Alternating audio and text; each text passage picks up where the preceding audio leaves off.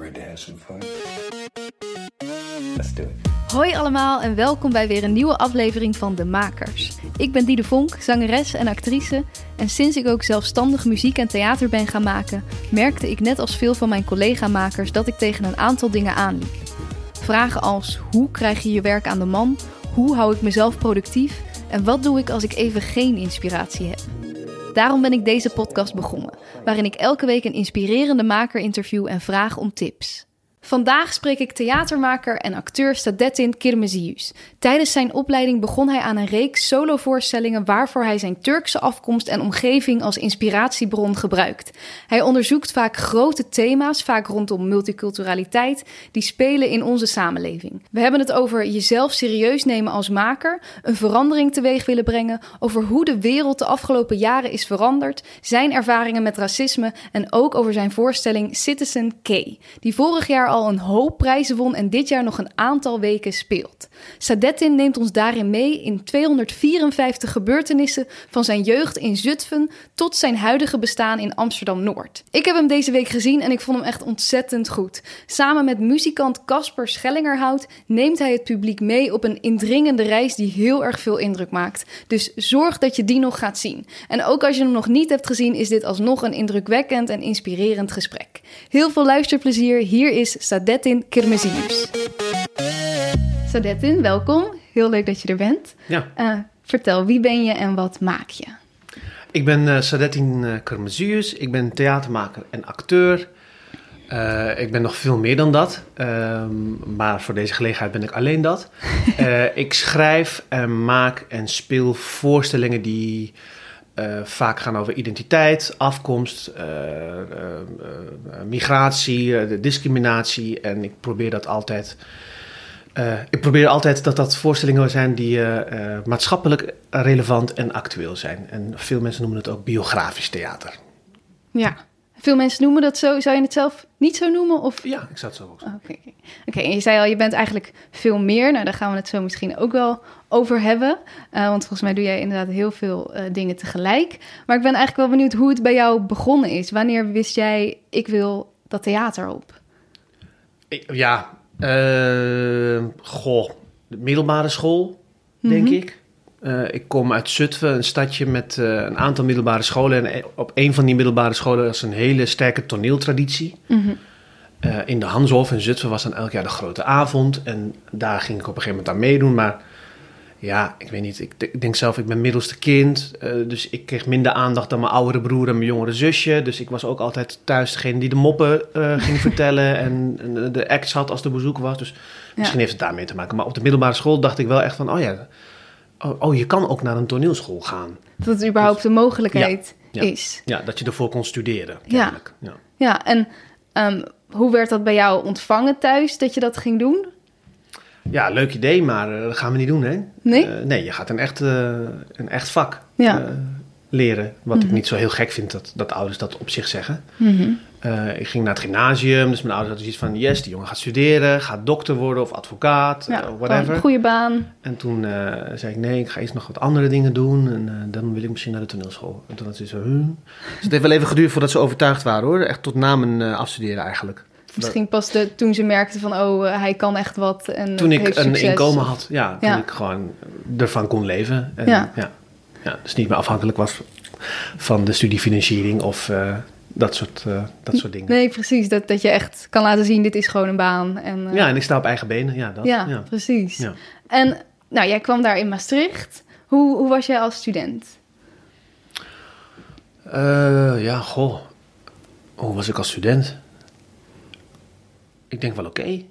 ja, ja ik, ik, ging naar, ik ging naar Maastricht voor de performanceopleiding. Mhm. Want ik wilde performen. Ja. Dus, eh, maar toen ik daar kwam, was die opleiding echt nog, stond echt nog in de kinderschoenen. Dus inmiddels is de, de performanceopleiding Maastricht echt, wat mij betreft, de beste opleiding van Nederland. Beste podiumopleiding.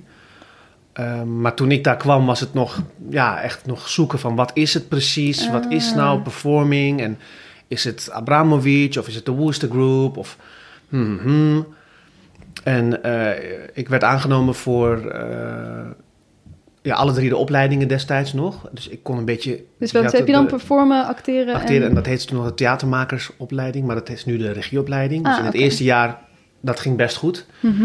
En toen kreeg ik van meerdere mensen de tip van ga de acteursopleiding doen, want je kan altijd nog naast dat curriculum kijken of je performances kunt maken. Ja. Hè? En je Ja. kan altijd meedoen aan een performanceblok, maar andersom als performer meedoen aan een acteerblok is toch lastiger. Ah, dat, ja. dat is dan toch helaas zo. Ik weet niet of dat nog steeds zo is, maar dat was toen wel. Toen ben ik de acteursopleiding gaan doen en toen ehm, zat ik in het tweede jaar en toen werd Theo van Gogh vermoord. En toen ben ik begonnen met eh, solo's maken. Ah. Want ik was, daar de, ik was daar de enige Turkse student. Ik was daar de enige met een islamitische achtergrond. Mhm. Eh, en ja ik, ja, ik weet niet, ik moest wat doen of zo. En toen is dat eigenlijk begonnen. Ja, dus het Die voelde... solo's die zo heel dicht bij mijn eigen persoon staan. En, en Precies. toen ging ik eigenlijk proberen elk jaar iets te maken. Mhm.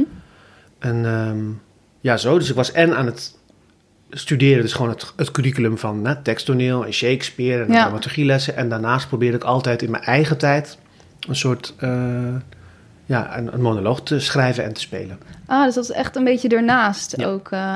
en en die, die kon je dan ook al op plekken spelen? Of hoe ging dat Nou, dan? dat werd volop aange, Ja? aangemoedigd in, eh, in, in school. Ja, zeker, zeker. Ik heb nog eh Yvette Feijen, die nu de coördinator hier in Amsterdam is. Dat Mhm. was toen mijn, in het eerste jaar mijn mentor.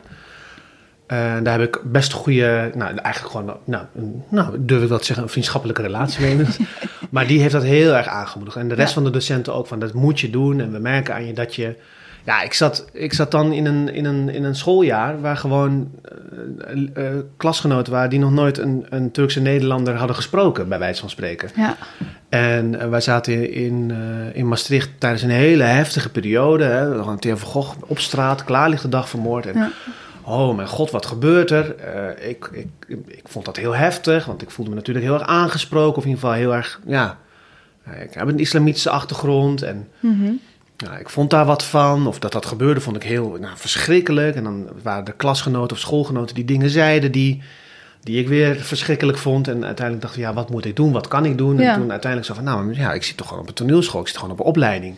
En ik had al een paar dingen gedaan, zo, dat je dan eh, een makersblok kreeg. Van, nou, dus ik dacht van, nou, misschien moet ik daar, en ik ben toch om die reden hier naartoe gekomen. Dus zodoende Dus eigenlijk. misschien kan ik daar iets mee. Ja. want ik begreep dat het ook best wel voor jou een soort kantelmoment was. Of dat er in ieder geval, ja, misschien wel in de hele samenleving in Nederland, dat- dat die moord op Theo van Gogh, dat jij daarna ook vaker werd eh, staande gehouden. Of... Ja, eigenlijk was dat zo rond eh, vanaf 11 september al een beetje aan de hand Ja. eigenlijk.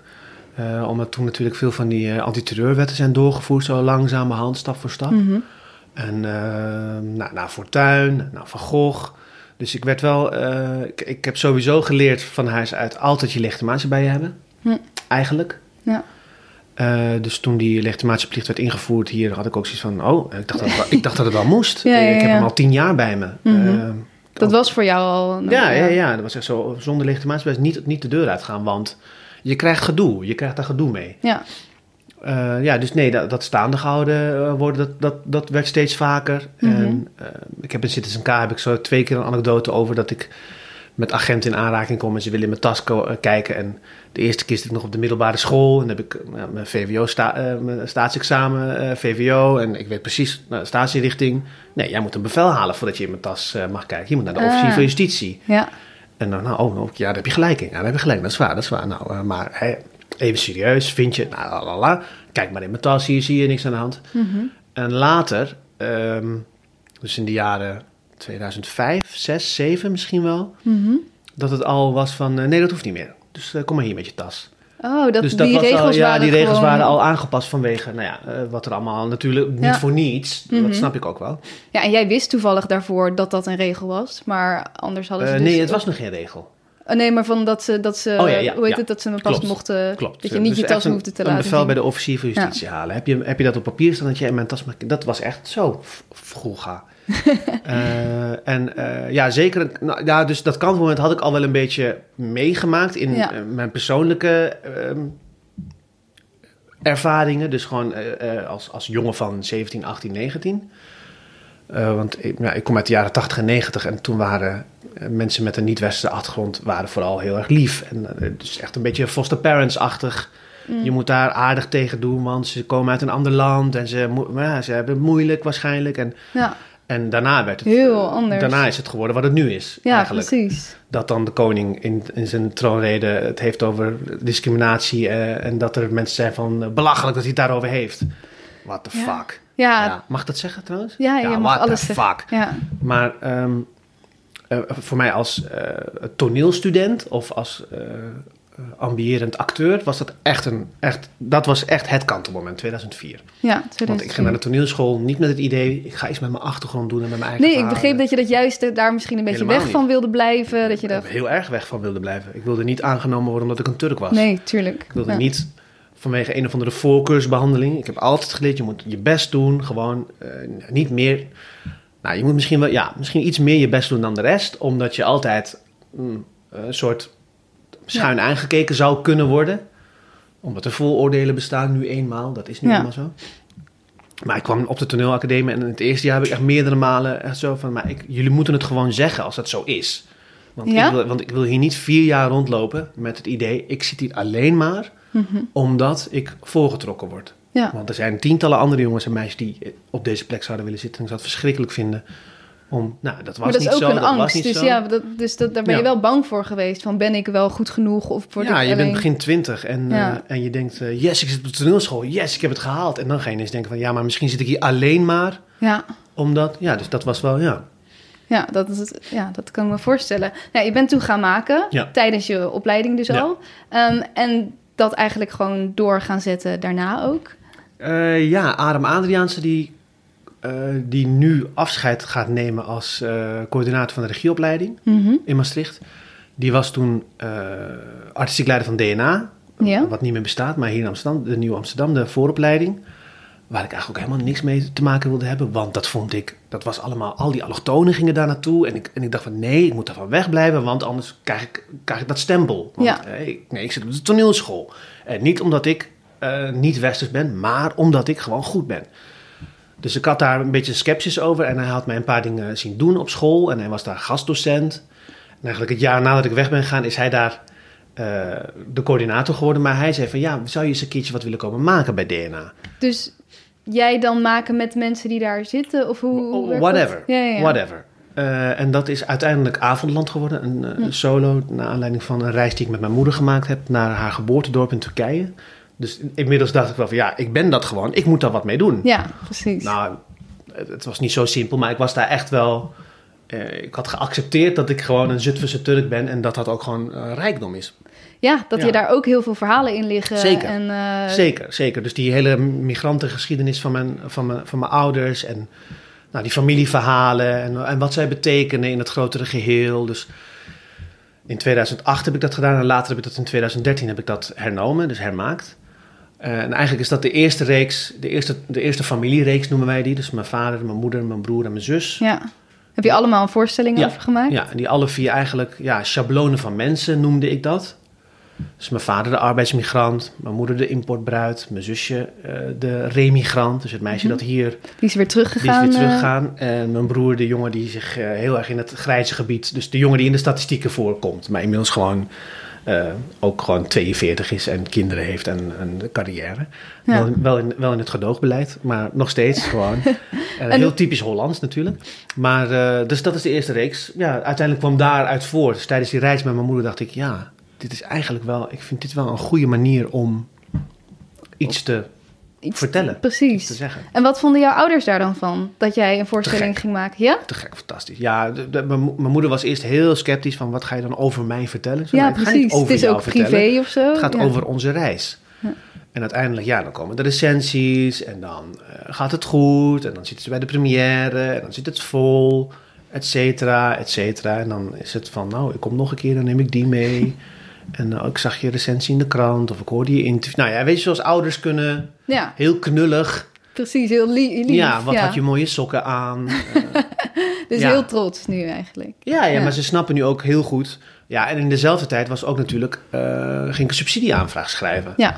Die gehonoreerd werd. Dus het- was nog die tweejarige regeling. Mhm. Dus het was ook nog eens een keer van, ja, ehm, ik heb gewoon inkomen. Ik heb gewoon subsidie Ik gekregen. kan er gewoon eh, ik heb een eigen vooruit. bedrijf. Ja. Ik heb een eigen eh, stichting en we gaan voorstellingen maken. Dus dat was ja, voor hen ook zo van, oké, Mhm. oké, lekker of goed. en dan nou, ging dat door en door en door. En dan gaat het op een gegeven moment heel goed. Ja, en dan kunnen zij niks anders dan alleen maar zeggen van... nee, mijn zoon is theatermaker en acteur. En we Precies. zijn super trots. Ja. Ja. want jij richtte in 2010 Trouble Man op. Dat is je eigen stichting. Ja. Ehm, wanneer komt die beslissing dat je denkt, ehm, ik wil nu, we moeten een stichting oprichten. Ik kan het Ja, niet alleen. of- Ja, eigenlijk na de eerste avondland. Mhm. Omdat ik... ehm, ik heb de productiehuizen nog heel erg meegemaakt. Dus het zijn er nu drie, maar het waren er volgens mij, als ik het goed zeg, een stuk of veertien toen ik afstudeerde. Dus je kon vrij makkelijk, Ah, dat je bij een aanhalingstekens, Ja. kon je vrij makkelijk als jonge maker met een plan naar een productiehuis stappen. Maar ik merkte heel erg dat ik het eh, lastig vond zo afhankelijk te zijn van eh, de luimen of de smaak van een andere persoon. ja, dat zij gaan bepalen, Van, oh ja, dat is een interessant idee, kom maar, kom maar hier. Ja, Dus ik wilde heel graag mijn eigen geld. ja, Eigenlijk. Want, want ja, hoe lullig het ook is, je hebt geld nodig, want je moet met mensen werken, je moet mensen betalen, of je Mhm. hebt een beeldidee, of je hebt, eh, zoals ik het een aantal keer gedaan heb, een idee om te reizen. Eh, nou, je hebt gewoon budget nodig voor bepaalde ideeën. ja. En ik wilde mijn eigen budget. En zo, zodoende is dat eigenlijk, ja, hoe zal ik het zeggen, voor de katse kut een, een subsidieaanvraag geschreven. Voor, hoezo voor de kattenkut? Ja, van nee heb je, ja kun je krijgen. Ja, we proberen het ja, gewoon. ja. nooit geschoten, altijd mis, toch? Ja. En die werd tot onze grote vreugde en verbazing volledig gehonoreerd. Met als gevolg, hey, we kunnen gewoon vier voorstellingen gaan maken. Mhm. Super vet. ja. En dat zijn toen eh, De Vader, Zoon, het Heilige Feest. Nog in co-productie met het Huis van Burgondië. Dat productiehuis in Maastricht, dat niet meer bestaat nu. Eh, What's Happening Brother en Someday My Prince Will Come zijn dat toen geworden. Die hebben jullie toen kunnen maken. Ja. Ah, wat goed. Maar dus er zat niet een heel supergoed plan achter bij de, die subsidie-inschrijving. Jullie dachten gewoon, we nou, die aanvraag het. was wel goed, denk ik. Achteraf gezien. Ja, De, bedoel, het was ook zo van, we gaan het gewoon doen. Ik weet ook niet precies hoe. Ja. En oh, eh, we moeten handtekeningen van, oh, we moeten een bestuur. Oh, echt zo. Ja, nou, hè, precies. gewoon echt die echt maar hele doende- knullige van, oh, dat moet wel. En eh, ja, die aanvraag is, ik heb die laatst ook weer teruggelezen, omdat we natuurlijk weer in- inmiddels een aantal rondes verder zijn met aanvragen schrijven. Ja. Nou, er staan echt wel dingen in die, die we nog steeds gebruiken. Zo van, oh ja, dat is wel eigenlijk wel, oh, dat je hier al merkt van, dit is een soort stijl die Ah, hier al wordt visie geïntroduceerd. of zo. Of, Ja, dus eigenlijk de, de, de, de, de, de lijn tussen performer en personage moet eigenlijk eh, non-existent zijn. Eh, dat je eigenlijk niet ziet of dit nou geacteerd is of dat dit nu echt Sadettin is. Dus dat, Ja. ja. en het verhaal een handje helpen, dat wordt daar al in 2010 geïntroduceerd van ja, het is non-fictie, maar om het publiek en het verhaal een handje te helpen, zullen er een aantal fictieve elementen in zitten. Ja, dat, dat zijn dingen die nu nog steeds. Dus ja, ja, ja, want dat vroeg me inderdaad af. Het zijn eh, hele persoonlijke onderwerpen. Het, gaan over mensen die, eh, het gaat over mensen die dichtbij je staan. Ja. Hoe maak je dat theatraal? Ja, eh, dat is de eerste paar keer is dat heel moeilijk, want je denkt, oh, wat doe ik eigenlijk? Mhm. En dan ga je nadenken over waarom doe ik het eigenlijk? En dan ga je een beetje moeten duwen. En dat is zo'n schrijfproces is daar prima voor, dat je gewoon dingen gaat proberen. Ja, En uiteindelijk zijn het toch gewoon 28 pagina's tekst ja, die je uit je hoofd moet gaan leren. ja precies. En die je moet gaan spelen met regieaanwijzingen. Dus dan is dat echt wel weg. Dan ben je er echt wel vanaf. ja, en tijdens het repetitieproces zijn er echt wel momenten van, boe, het komt dichtbij. En mijn werk is steeds dichterbij gekomen. Dus waar het begon met familie, eh, is het veel meer naar mij toegekomen. Want Citizen K is bijvoorbeeld, ik weet niet of je dat gezien hebt, maar... ik ga morgen. Oh ja, leuk. Ja, morgen leuk. zien, In ja. Ja, leuk. Ik zou vorig jaar, maar toen was mijn band lek. Oh, Echt shit. zo erg. Ja, nou ja, ik had het Goeie graag willen zien. Maar, Goeie maar eh, ja, Maar die voorstelling is heel dichtbij en de radicalisering van Sadettin K is ook heel dichtbij. Precies. En, en dat is wel, eh, als je dat eenmaal, ja, als je die brug over bent of zo, Mhm. dan, dan, dan, dan kan dat. Want ja, dan heeft het de functie, dan is het gewoon een, een kunstwerk, Ja. een toneeltekst wat je maakt. Maar weet, weet je dan, als je daar staat, ehm, voelt het dan wel ook altijd als ik ben aan het acteren? Of nee, want ik kan me ook voorstellen dat, dat, dat het is gewoon jouw verhaal. Dus Ja. dat het ook bijna een soort, nou niet stand-up is, maar wel een, ja, iets wat je, ik heb het natuurlijk niet gezien, maar Ja, nee, ja, ja, er wordt wel eens, ja, ja, je moet dan voor bepaalde dingen weer omschrijven van wat voor werk is het. En de ene zegt ja, het is eh, stand-up theater. En de ander zegt ja, het is een beetje cabaret-achtig. Ja, ik weet het niet. Maar ja, kijk, volgens het Fonds Podiumkunsten zijn we gewoon teksttoneel. ja. En dat denk ik ook. Mhm. Omdat het toch gewoon bijna elke voorstelling 10.000 woorden. Mhm. Eh, ja, dat noem ik wel teksttoneel. en het is niet geïmproviseerd en het is Nee. gewoon helemaal vast. En als er eens een keer wat gebeurt, wat ik dan wel doe, namelijk als er een telefoon afgaat, ik reageer altijd.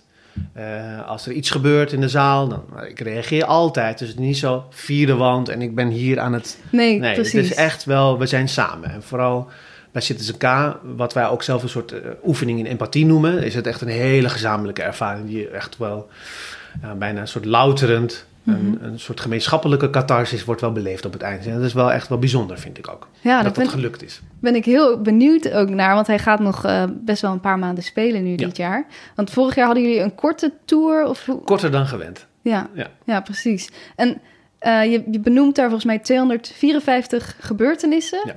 Eh, gebeurtenissen uit jouw leven waarmee, eh, ja, momenten dat jij te maken hebt gehad met eh, direct racisme of...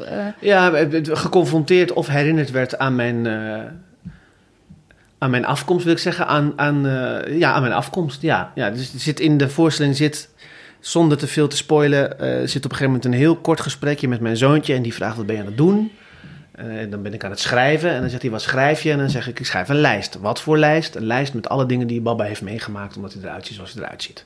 Dat is eigenlijk de Ja. kortste omschrijving die ik nu eraan zou eh, willen, wi- willen, willen geven. Want niet te veel willen verklappen. Maar dat- ja, Nee, ja, zo, ja, dat Ja. is het. ja, Dat is het. dus ja, dat is, dat is gewoon super persoonlijk. Het zijn allemaal jouw persoonlijke verhalen. Eh, wat voor reacties krijg je dan na afloop? Ja, het is super persoonlijk, maar het is ook eh, super universeel. Ja, Omdat iedereen heeft zo'n soort lijst. Ehm, ik heb voor die voorstelling heb ik natuurlijk heel veel gelezen. En eigenlijk alles wat de afgelopen 25 jaar aan de hand is, eh, Mhm. gevolgd natuurlijk. ja. Eh 20 jaar, maak daar 20 jaar van. Maar ehm, eh, het is ook een.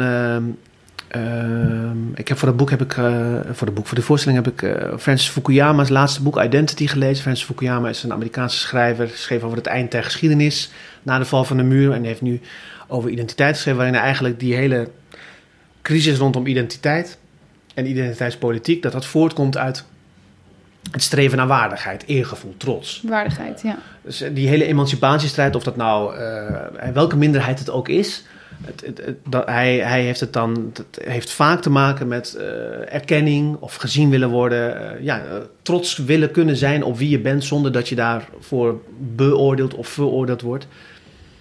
En dat was voor mij heel herkenbaar. Ik dacht van ja, dit is wel een soort, ja, dit snap ik wel. En in die zin heeft iedereen een lijst. Ik krijg, nou, ik krijg hele, hele fijne reacties, ook omdat het een soort een, een, een schets, een geschiedenisschets van ja, Nederland van de laatste 40 jaar is. Het begint echt bij mijn geboorte. Nee, het begint bij dat mijn ouders naar Nederland komen. Dat is punt één. Ja. Mijn, mijn vader en moeder komen met de familie van mijn vader naar Nederland. Mhm. Twee, ik word geboren in Zutphen. Ah, ja. Ja, en, en, en dan, die, je krijgt de jaren 80 krijg je mee, en de jaren 90, nou, dan komt 11 september, dan komt Fortuin of Van Gogh. En ja, het gaat eigenlijk door tot en met het moment dat ik die tekst aan het schrijven ben. En dat was vorig jaar april. Maar de lijst zou eindeloos kunnen zijn. En ik zeg heel vaak tegen mensen die dan naar de voorstelling naar me toe komen, dan zeg ik, ja, jij hebt ook een lijst. Mhm. Jij hebt ook een lijst. Jij, ook- jij ook. Jij ook. Ehm, ik ben een man. Jij Mhm. bent een vrouw. Je hebt echt een andere lijst dan ik. Ja, zeker. Ja. En eh, ik kan me nooit voorstellen hoe dat is om zo'n lijst te hebben. Maar ik weet wel dat die lijst bestaat. En in die Mhm. zin is er een soort... Ja, dat is die empathie die op een gegeven moment ontstaat. Dat mensen, Ja. uh, ook al ben ik een, een, een, een Turkse Nederlander... Uit een Gelders stadje in Oost-Nederland... er zijn dingen die ons allemaal raken. Die we allemaal herkennen, die we allemaal voelen. Dus Ja. ik krijg hele, hele persoonlijke reacties van mensen. Ook eh, op sociale media en in de mail echt... eh, ja, eh, een voorbeeld, een, een jongen die uit Rotterdam zei, ja, ja, die, dan, die dan naar onze publiciteitsafdeling schreef, naar Dieke, die, waar je ook contact mee hebt gehad. Van eh, ja, dit was zo herkenbaar voor mij. Ik kom uit Groningen, Mhm. ik, ik woon inmiddels in Rotterdam, ik ben in Groningen uit de kast gekomen, in een klein dorpje en de hele tijd nergens thuis gevoeld, altijd alleen geweest. Dus daar gaat die voorstelling ook over, over eh, alleen zijn. En, Ja.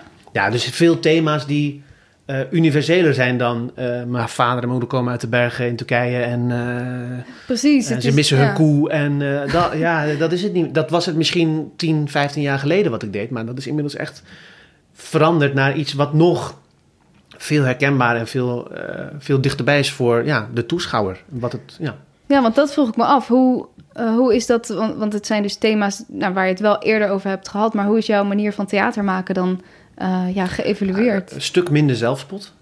oh ja? Ja, ik bedoel, er zit nog steeds zelfspot in, omdat ik dat gewoon een hele goede en ironie en ik vind dat Mhm. allemaal hele goede stijlmiddelen. Maar dat, dat ik het in mijn werk eh, zogenaamd weglachten. Eigenlijk is dat bij de, bij de radicalisering van C13K ge- gekomen. Dat ik zei van, dat wil ik gewoon niet meer. Dat ik grappen Ah. over mezelf ga maken om maar te laten zien van... hé, hey, ik, ben niet, ik ben niet gevaarlijk, jongens. Hey, je kan met mij gewoon... En dat is tot 2015 was dat wel een beetje... Ja, bij My Principle komen we natuurlijk ook wel gewoon hele serieuze en ernstige... Ja, maar altijd met veel humor. Altijd met veel Ja. humor. Humor als een soort middel om tot dat ernstige te komen. Dus eigenlijk Wat wat, ook eh, een goed middel kan zijn. Zeker, wat de Grieken ook deden. Hè? Ik bedoel, eh, Ja. Die deden drie tragedies in één komedie. zodat ze lachend naar huis gingen. En dan konden ze Ah. zeggen van... eh, ja, maar ik vond wel echt dat het meisje haar broertje niet mocht begraven trouwens. Ja, ha, ha, ha, ha. Ja, Dus dat was voor mij echt wel een soort manier om... Ja, mensen gewoon beet te pakken. En Ja. eigenlijk te zeggen... Ja, dit is, dit heel grappig. Het is heel groot. Het is heel, dit is, ook, dit is echt heel erg. Ja, dan komt hij ook wel aan. Ja, Ja, Die, en die dan wel kreeg. Maar nu, eh, de tijden zijn veranderd en ik ben veranderd. Ik, ben, Mhm. ja, ik heb het jullie net ik heb twee kinderen. En mijn zoontje is eh, geboren eh, zo in dezelfde zomer als de, de opmars van IS. En was een half jaar toen Charlie Hebdo gebeurde. En tijdens de vluchtelingencrisis. En snap je? En, Mhm. en dat ik ineens ga denken over wat is mijn rol eigenlijk in deze maatschappij. En ik ben oké, ik ben een theatermaker. Het gaat hartstikke goed. Mensen kennen mijn werk en eh, ik word gelauwerd en zo. Maar Mhm. over 15 jaar, dan, of 20 jaar of 30 jaar, dan gaat hij, eh, was, eh, hij, mijn dochter was het toen nog niet, hij gaat wel zeggen van wat heb je gedaan dan? Ja, wat heb jij... Wat heb je gedaan? Ja. Grapjes gemaakt. Heb je dat gedaan? Mm. Ja, ik vind dat echt wel een, eh, een verandering, een verschuiving in, eh, ook gewoon in mijn eigen Ja, in mijn eigen persoon. Ja, mijn vrouw zei gisteren, ik vind het zo heftig dat we dan over 20 jaar of over 30 jaar gaan onze kinderen gaan naar Lesbos op vakantie. En die gaan dan aan hun kinderen zeggen, ja, in de jaren, in de jaren 20, Mhm. in de jaren 10 was hier een gigantisch vluchtelingenkamp. En niemand wilde die mee. Ja, ik, vind, ik kan wel gewoon nu gewoon janken gewoon om dat idee. ja. Ik vind dat zo verschrikkelijk. Mhm. Ja, nou, dat soort dingen die zijn veel meer aan de hand in mijn leven dan ja, 10, 15 jaar geleden toen ik een jonge maker was. Ik ben 38 jaar, ik ben, ik ben geen jonge maker meer. Ben ik niet meer. Dus dat is ook echt wel veranderd in mij. Dat ik echt zo van, nee, maar dit is echt serieuze shit, man. ja. Dit is echt serieus. De, en, eh, Het gaat dan meer... Ja. En, maar dat lijkt dan ook wel heel erg samengekomen met het vaderschap. zeker. En, Ja. Want dus je had die voorstelling, de radicalisering van Sadet K. Merkte je dan tijdens het spelen op een gegeven moment van... hé, hey, ik vind Ja, dit niet meer leuk of ik wil dit Nee, niet ik meer? wil dat ook niet meer spelen. Voor. Ik ging ik- elke, elke, elke, elke avond huilen in de kleedkamer. Echt waar? Letterlijk, Ja, letterlijk. Omdat het zo... Ja, ik was zo boos op alles. Ik was zo verdrietig om alles. Ik speelde die voorstelling met beveiliging in de zaal. Omdat het woord radicalisering was in die tijd... Oeh, je weet maar nooit. Wow, Er reed politie om het theater. zo. Eh, echt zo dat soort... eh, ja, op een gegeven moment speelde ik in Breda een voorstelling... en toen kwam de directeur van het theater kwam zo zeggen... dankjewel. En er dook ineens een man achter hem op... en die zag hem en zei... oh, oh, u bent het, oké. En toen was hij weg en ik dacht... hè, wat gebeurt hier? Is er een Oh. technicus of zo? En toen zat ik in de foyer en toen kwam die man naar me toe... en die zei eh, van... ja, die stelde zich voor en hij zegt... ik, ik, wil, ik wil dat je weet dat ik een eh, Bosnische Nederlander ben... dat ik het heel erg vind dat ik jou tegen onze mensen heb moet beschermen. Letterlijk zo, dat was wat hij zei. Dus tegen eventuele boze moslims die in de zaal zouden kunnen zitten, heb moeten beschermen. En dat ik toen begreep van daarom kwam je naar de kleedkamer, omdat er... Hij dacht eh, Ja, ja, ja, en- dat jij en- misschien... ja, eh, dus die voorstelling speelde gewoon eh, ja, in Purmerend. Mocht de affiche niet hangen, want ze hadden net die week daarvoor die inspraakavond gehad, waar er met eieren werd gegooid en Mhm. Snap je?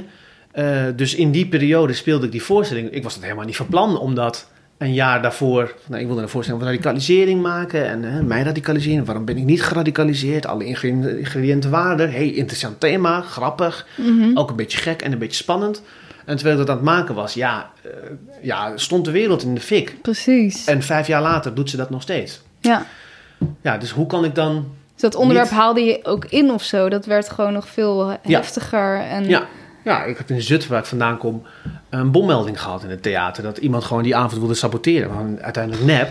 Maar wel zo, weet je, dat je dan wel ineens zo van... Ja, wat, ik ben gewoon theater aan het maken, toch? Ja. Of niet? Ja. En dan zo, nee, ik ben niet gewoon theater aan het maken. Dit is meer dan gewoon theater maken. Het is groter dan dat, het is belangrijker dan dat. En dat vind ik dus echt...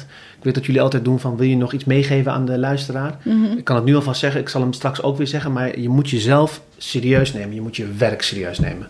Ja. Dat is echt het allerbelangrijkste. En, en dus je moet voor jezelf durven zeggen: dit is belangrijk wat ik doe. Dit is heel belangrijk. Ja, Ja. ja. het, ja dat is inderdaad ook wel zo'n thema nu van... oké, wa- wat is het belang dan van theater? Of waarom is het nog steeds belangrijk? Maar ja, dat, dat zit er dus ook gewoon heel erg onder... dat wat je maakt heeft, is groter dan, dan alleen Ja. even een voorstelling spelen een Ja. avond. Ja. Wauw, heftig. Ik vind het wel heftig om te horen. En het is Ja, natuurlijk ik heb ook vrolijke verhalen. Ja. Ik ja, ook ja. hele vrolijke dingen vertellen. maar- Nee, nee, nee, dat, dat geloof ik ook zeker. Maar het is ook goed om het erover te hebben. Want nou ja, eh, ik denk dan dat ik best veel eh, weet over racisme en dingen die er gebeuren. Maar dan zijn er nog zoveel dingen waar je echt geen weet van hebt. Terwijl er die voor jou misschien eh, aan de orde van de dag Ja, zijn. mijn, mijn vrouw die, die, die heeft nu ook zo dat ze ineens ook zo, doordat ze met mij is, ook zo ineens zo van die dingen, dat, dat dingen haar opvallen. Dat ze van, Mhm. ik hoorde, die zei dat tegen jou, dat, is, dat kan echt niet. Ja, dat is dan een, eh, dan een aannemer die over de vloer is eh, geweest bij ons thuis om te kijken, want we willen misschien iets verbouwen of zo. En we hebben een klamboe hangen en dan dat hij dan zo, zo van, eh, nou toch, hé, Oosterse sferen toch, hè? En dat ik, dat ik eigenlijk denk van, ja, ik moet je nu gewoon eigenlijk een hoek geven hier in de slaapkamer. ja. Eh, en, en dat zij dan uiteindelijk zoiets heeft van, nou, volgens mij moeten we die gewoon niet meer. Hè? Leuk dat hij geweest is, maar we zijn nu wel klaar. Want die hoeft ja. niet meer te komen. ja, ja, Of, Mhm. of ben je dan heel erg overdreven bezig? Ja, want je wil je? natuurlijk ook in gesprek blijven. ja, en maar mensen... je kent die persoon niet. Die Nee. komt gewoon kijken. Die komt met een offerte waarschijnlijk. Mhm. Maar zo van die voorbeelden zijn er eh, genoeg dat zij die nu ook ziet. En Ja. waar je dan eerder, nou, als je dan zegt van, nou volgens mij eh, kun jij beter even een taxi aanhouden. Mhm. Of eh, bel jij maar even naar het hotel om te zeggen dat. Dat je daar rekening mee moet houden. Ja, nou gewoon letterlijke voorbeeld. Ook, ook in, in Citizen K zit dat voorbeeld. We hebben een huis gekocht en, Ja. eh, en we hebben eh, nou, heel, heel fijn en zo. En Amsterdam-Noord te gek. Ja, en, en, en dan dat, als ik dan belde naar de hypotheekadviseur en mezelf voorstelde als Sadet Tinker dan wist hij niet wie ik was. Mhm. En dan moest ik de naam van, destijds was er nog mijn vriendin, inmiddels zijn we getrouwd, maar dan moest ik de naam van mijn vriendin noemen. En dan pas wist hij, dus, en, en, en daarvoor was hij dan zo, ja, eh, wat is er? Mhm. Dan was hij ja, kort af tegen mij, van, nou, een beetje ongelegen dat ik belde. En dan Ja. zei hij, ja, van de familie.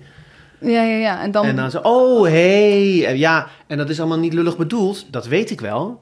Dat, ja, maar weet, ik, dat is- weet ik dat hij, dat hij niet, dat hij, dat hij, dat hij dan zich betrapt voelt of zo, of dat hij met opzet gemeend heeft, maar dat is wel een beetje story of my life. Precies, jij maakt dat Van, vaak ja, mee. Mijn Ja. god, zie je, moet je weer, en het maakt niet uit, je koopt voor tonnen een huis. ja. En je hebt succes en je zit bij de Makerspodcast en je staat in de stad Schouwburg op het theaterfestival. Jaar na jaar, de ene na de andere voorstelling die supergoed ontvangen wordt. Het boeit geen ene reet, dat denk je dan. ja. Het maakt geen flikker uit. Het maakt niet uit dat je dus jezelf Mhm. trots probeert te maken. Of hè, dus dat, dat boek van Francis Fukuyama, dat, die waardigheid probeert. Het maakt dus die gedachten zijn, ja, dat zijn vreselijke gedachten. En daar moet je de hele tijd tegen blijven vechten. Ja, dus ook heel vermoeiend, Ja. toch? Want ik kan me ook voorstellen dat je daar dan inderdaad gewoon op een gegeven moment klaar mee bent. En, Nee. eh, nee? Nee, nee, nee. Nee, het moet ook niet een soort eh, eh, messianistisch ding krijgen of zo nu. Daar moeten we een beetje voor oppassen, dat je een soort the chosen one bent. Maar ik heb kinderen. Uh-huh. Mijn zoon heet Adam, mijn dochter heet Hanna. Hun achternaam is Kermezuus. Mhm. En als zij een sollicitatiebrief schrijven met die achternaam, is de kans dat zij niet op sollicitatie mogen groten exponentieel groter dan wanneer ze de naam van hun moeder zouden gebruiken. Ja. Ja, dat is voor mij echt een reden om door te blijven gaan. Om hier gewoon, al is het maar één persoon die een soort bewustwording krijgt, geslaagd. Ja, precies. Perfect. Ja. Perfect. Ehm, ja, en dan denk ik, als iemand het moet doen, laat mij het dan maar doen.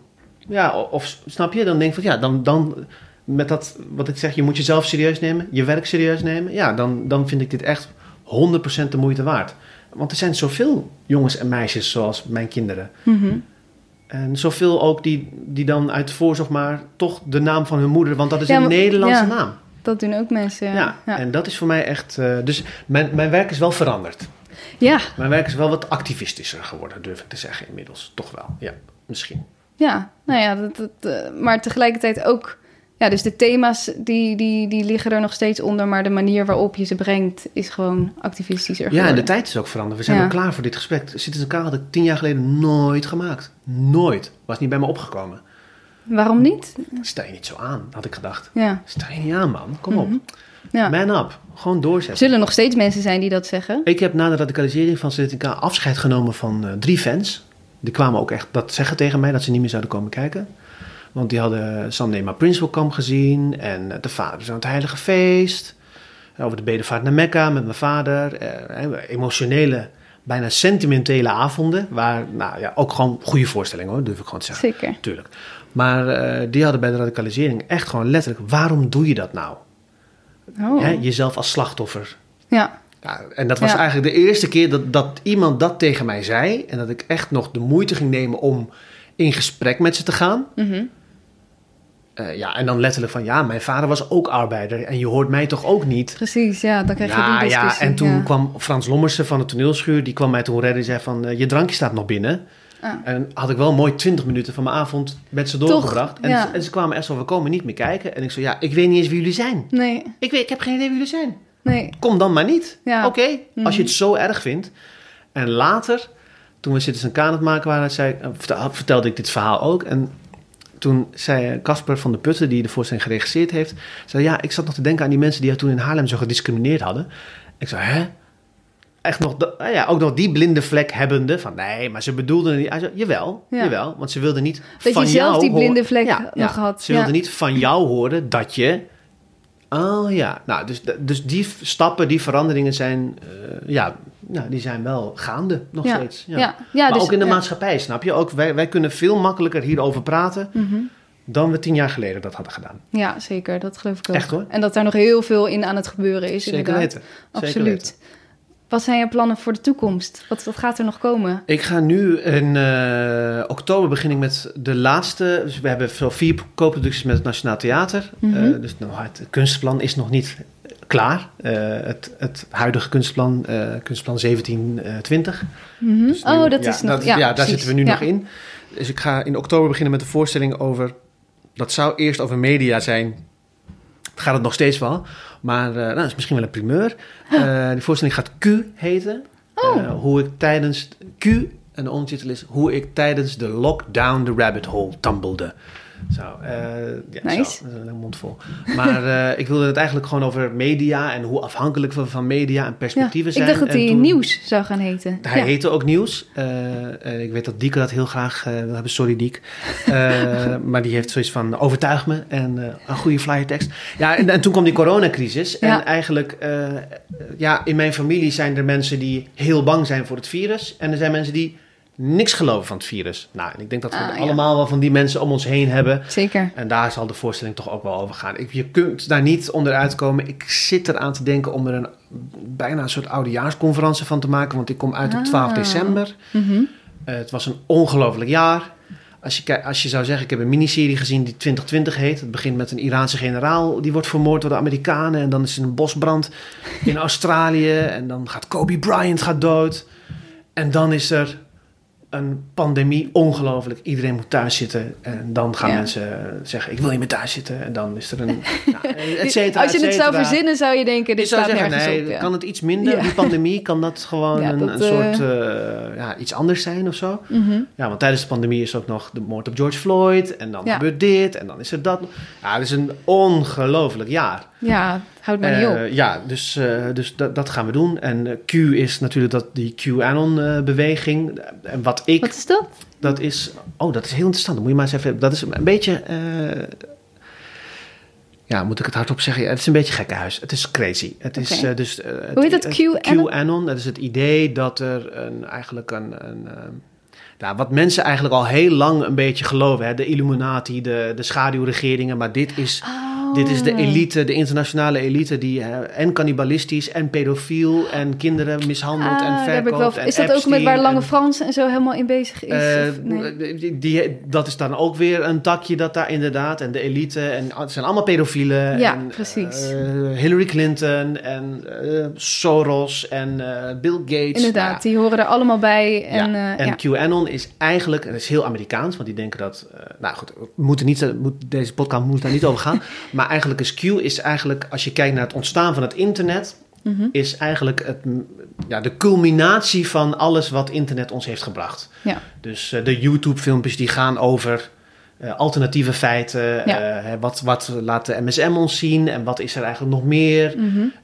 En, en ja, het zijn waarheidsvinders, zo noemen ze zichzelf. Hè, die Ja. echt op zoek naar de waarheid zijn. En de waarheid is in dit geval crazy. En dus dat is die rabbit hole waar je dan in ge... Ja, ja, ja, maar ja, ik bent. heb dan natuurlijk ook, ik heb gewoon ook familieleden die, die eh, ook nieuws uit de Turkse bronnen halen. En die zeggen, ja, maar wat dit is, dit is... Ja, en wat is nog waar? Wat kun je nog geloven? Daar gaat die voorstelling ja. over. Wat kan ik nog geloven? Of, ja, eh, ja dus dat, dat, ehm, Dat, dat, Ja. Tof, ben dat heel gaat nog gebeuren. En dan in het nieuwe, nieuwe kunstplan gaan we weer... eh, f- dat is vanaf volgend seizoen vijf nieuwe voorstellingen maken. En moet je die voor zo'n subsidie dan ook al eh, nou ja, redelijk weten wat voor voorstellingen dat gaan worden? ja, dat wordt wel een beetje van je gevraagd. Maar als ik heel eerlijk ben, heb ik tot nu toe nog geen enkele keer precies de voorstelling gemaakt die ik in een subsidieaanvraag heb geschreven. En daarom hebben we nu ook onze aanvraag best wel ruim, een beetje de ruimte gelaten van. Want ze willen eigenlijk weten, wat, hoe ziet het decor eruit? Mhm. Eh, het licht, wat voor muziek, eh, de tekst, de personage, best wel precies. En dat hebben ze nu een beetje losgelaten. En we hebben Ah, volle bak gebruik gemaakt van. Dus we hebben gezegd hoe de voorstelling eruit ziet. Dat gaan we onderzoeken, want dat, dat doe. Ja. ik. Ik weet op dag één niet wat het gaat worden. Ik weet Nee, laat staan eh, vijf jaar van tevoren. Nee, precies. Nee. Dus we hebben veel meer gezegd van we, we willen met deze thema's bezig, want Mhm. dus met even kijken, bekeerlingen, schulden, kinderen. eh een vervolg op Sunday Prince gaan we maken. En eh Duizend en één nacht, dat is een co-productie met de toneelmakerij. Dus een, een, Een familievoorstelling. Ja, ja. Waar als het goed is, dan tegen die tijd mijn zoontje naar kan komen kijken. En hij zei gisteren, ga je echt duizend en één verhalen vertellen dan? Ah, Nee, nee, nee, een paar. Een paar. Zo. Maar dat zijn, dat, dat zijn de plannen. Tof. Ja. En je zei het net al eh, een beetje, want we moeten zo ook alweer een beetje gaan afronden. Maar ja, wat zou jij eh, theatermakers willen meegeven die nu eh, net misschien Ja. van hun opleiding afkomen? Ja, nou allereerst eh tering wat een jaar voor mensen die net afgestudeerd zijn. Ja, Ongelooflijk. Ik zeker. heb Lawrence of Arabia heb ik met eh, drie stagiaires gespeeld. Mhm. Giovanni, afgestudeerd performer in Maastricht. Eh, eh, Alicia en Pip, afgestudeerde actrices in Amsterdam, eh Hallebeck. En Yes. ja, die, hun afstudeerjaar is gewoon bizar geweest. Ja, Die, ja, die hebben, ja. Dus allereerst ehm, wil ik heel graag mijn diensten aanbieden. In de zin van als jullie eh, klankborden willen of als jullie willen sparren met iemand, eh, mail me uh, sadetin.sadetink.nl. wat gek. Ehm, we, we hebben ook wel plannen daarover, gewoon bij ons, eh, Om- om... intern om te kijken hoe kunnen we, wat zijn de mogelijkheden, hoe zouden we, et cetera. Dus dat meen ik echt serieus. Eh, dus ik kijk ook even naar de camera's, ik meen dat. Ja, oh, wat En- goed. en- dus dat is bij deze een ja, bij deze, bij deze een oproep om, weet je, eh, op wat voor manier dan ook. Misschien is het gewoon, kun je met me meelezen of mag ik meekijken naar de repetitie of heb je nog iemand nodig? Ja, Ik weet het niet. Ik ga allemaal dingen doen die nog niet vast liggen wat en hoe. En wat ik net zei, ja, eh, en dat, dat is misschien een beetje stom in, in combinatie met wat ik hiervoor heb gezegd over eh, afgestudeerd of jonge makers. Maar er komen goede tijden aan, eh, laten we daarvan uitgaan. En Mhm. eh, als je dan weer gewoon aan het werk bent en je bent voorstelling aan het maken, wat ik net zei, je moet, je moet jezelf serieus nemen en je moet je werk serieus nemen. Want als jij jezelf en je werk serieus neemt, neemt de hele wereld je serieus. ja. ja nee, dat geloof ik ook zeker. Nee, ik zit alleen nog even te denken.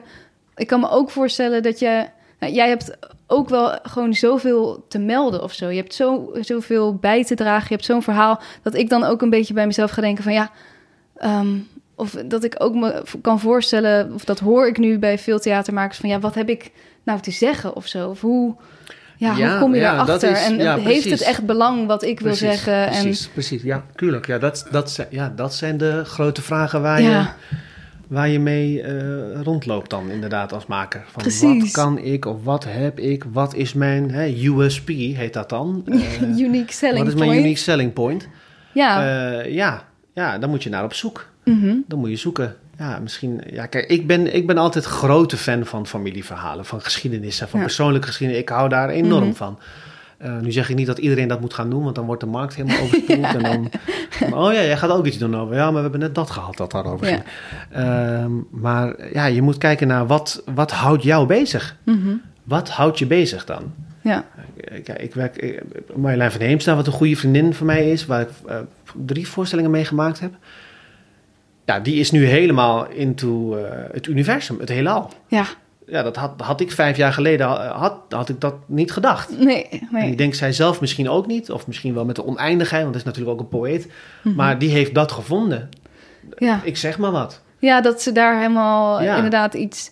Dus je kan ook gewoon, de, je, hoeft het, je hoeft het niet nu te weten. Hè? Je kan ook Mhm. gewoon even de tijd nemen om. Ja, dat is ook een onderzoek. Ja, en, ja. Ja. En eh, ja, kijk, het zijn natuurlijk bizarre tijden. Mhm. Het zijn gekke tijden. Ik bedoel, wij Ja. zitten op anderhalve meter afstand. Ik heb net mijn handen schoongemaakt van, ja, la- laat ik het maar doen. Maar het zijn gekke tijden. En ehm, het zijn ook collectieve tijden. Dus ergens zijn er ook, dus je kan ook... Ja, wat ik net vertel over de voorstelling die ik wil gaan maken. Ik, ik, ik zie meteen daar geknik zo van, ja, ja, ja, jij knikt over. Herkenbaar, Ah, ja, precies. Het is ook iets wat we met z'n allen hebben meegemaakt, dit. Dus daar zit een soort... Dus, dus dat ik het moet doen is nog niet gezegd, snap je daarmee? Nee, precies. Dus, maar eh, sommige maar het is dingen... wel, ja, het heeft jou bezig gehouden. ja, ja, en, sommige ja. dingen zijn meer van jou dan van mij of zo. Dus je kan ook gewoon nadenken, wat houdt me bezig? Eh, wat vind ik leuk? Mhm. Want ik bedoel, het klinkt allemaal wel heel zwaar waar we het over hebben, maar ik vind het wel heel erg leuk. Mijn werk heet maken en spelen. Ja. Ja, Mhm. als ik dat aan mijn zoontje uitleg, dan zegt- heeft hij zo van, dat is Spelen. echt leuk. Dat is echt leuk. ja. Dat, ja, eh, dus het is, ook een, eh, het is ook een feest. Het mag ook een feest zijn. Maar ja, eh, makkelijk praten, hè. Zo met, Mhm. maar ehm, ja, hou vol. Geef niet op. Ik zag daar om de hoek een, een Nederlandse vlag zo uit een raam hangen. Oh ja? Met daarnaast de Amsterdamse vlag, zo, die is drie Sint- Sint-Andreas-kruis. En die was duidelijk voor de mensen in de zorg opgehangen. Want er stond een beetje verbleekt door de zon. Hou vol, Hou kanjers. vol. Ah, Ja, dat zou ik ook willen zeggen. Hou vol, kanjers. Echt... ja. Eh, je- ja, we, we- we zitten hier met z'n allen in. Je bent niet alleen. ja. Super mooi. ik wil je heel erg bedanken. Zijn er nog dingen die we hebben gemist? Dingen die je nog wil toevoegen? Nee, nee, ik denk het niet. Nee, Nee, ik hè? denk- nou, niet alles is gezegd, Nee, dat maar kan wel niet. veel gezegd. Ja, denk ik ook. Nou, heel erg bedankt. Dat was hem. Heel veel dank voor het luisteren en Sadette heel veel dank voor het mooie gesprek. Hier mijn takeaways van dit gesprek. 1. Wat laat je achter? Als je 20 jaar in de toekomst kijkt, waar zal je dan trots op zijn dat je nu hebt gedaan? Soms zijn we zo in de waan van de dag dat je vergeet om even te kijken naar wat het grote plaatje is. Wat kan je nu betekenen? 2. Iedereen heeft een verhaal. Iedereen heeft een lijst. Jij hebt ook dingen meegemaakt die jou hebben gevormd tot wie je nu bent. Misschien wel een interessante oefening ook om te doen. Begin bij je geboorte en maak een lijst van 250 gebeurtenissen die jou hebben gevormd tot wie je nu bent. Wat kom je tegen en wat valt je op? 3. Maak over wat jou fascineert. Als ik zo'n verhaal en al die gebeurtenissen zoals die van Sadet in hoor, kan ik soms een beetje denken: ja, hij heeft echt iets te vertellen of echt iets meegemaakt. Wat heb ik nou toe te voegen aan alles wat er al is in de makerswereld? Maar ik geloof echt dat je altijd iets te vertellen hebt. Kijk naar jouw ervaringen of bepaalde onderwerpen die jou fascineren. Duik daarin. Dat kan van alles zijn. Het is sowieso nieuw, want niemand heeft jouw unieke visie. 4. Neem jezelf en je werk serieus. Punt. Sadettin's voorstelling Citizen Case speelt nog tot april 2021 door het hele land. En ik zou je zeker aanraden om die nog te gaan bekijken. Als je dit gesprek nu via een van de podcast-apps luistert en het nog niet wist, al onze afleveringen zijn ook op YouTube te bekijken. Dan kan je dus de gasten in levende lijven zien en alle gezichtsuitdrukkingen en armgebaren die daarbij horen. Je kunt ons gewoon vinden onder de Makers Podcast. En kijk jij dit al op YouTube, dan super fijn dat je er bent natuurlijk. En je helpt ons heel erg door even op die like en abonneerknop te drukken. Tot volgende week. Vond je dit een leuk gesprek? Abonneer je dan op de podcast en volg de Makers Podcast op Facebook en Instagram. Delen en reviewen is heel erg fijn en laat het me vooral weten als je nog gasten of vragen hebt die je graag wilt horen. Volgende week staat er weer een hele bijzondere, inspirerende gast voor je klaar. Deze podcast werd gemaakt door mij, Diede Vonk, en de muziek is van David Zwarts. Deze podcast kwam mede tot stand met steun van Stichting Norma. Ben jij uitvoerend kunstenaar en wordt jouw werk wel eens opgenomen en uitgezonden? Meld je dan aan bij Norma.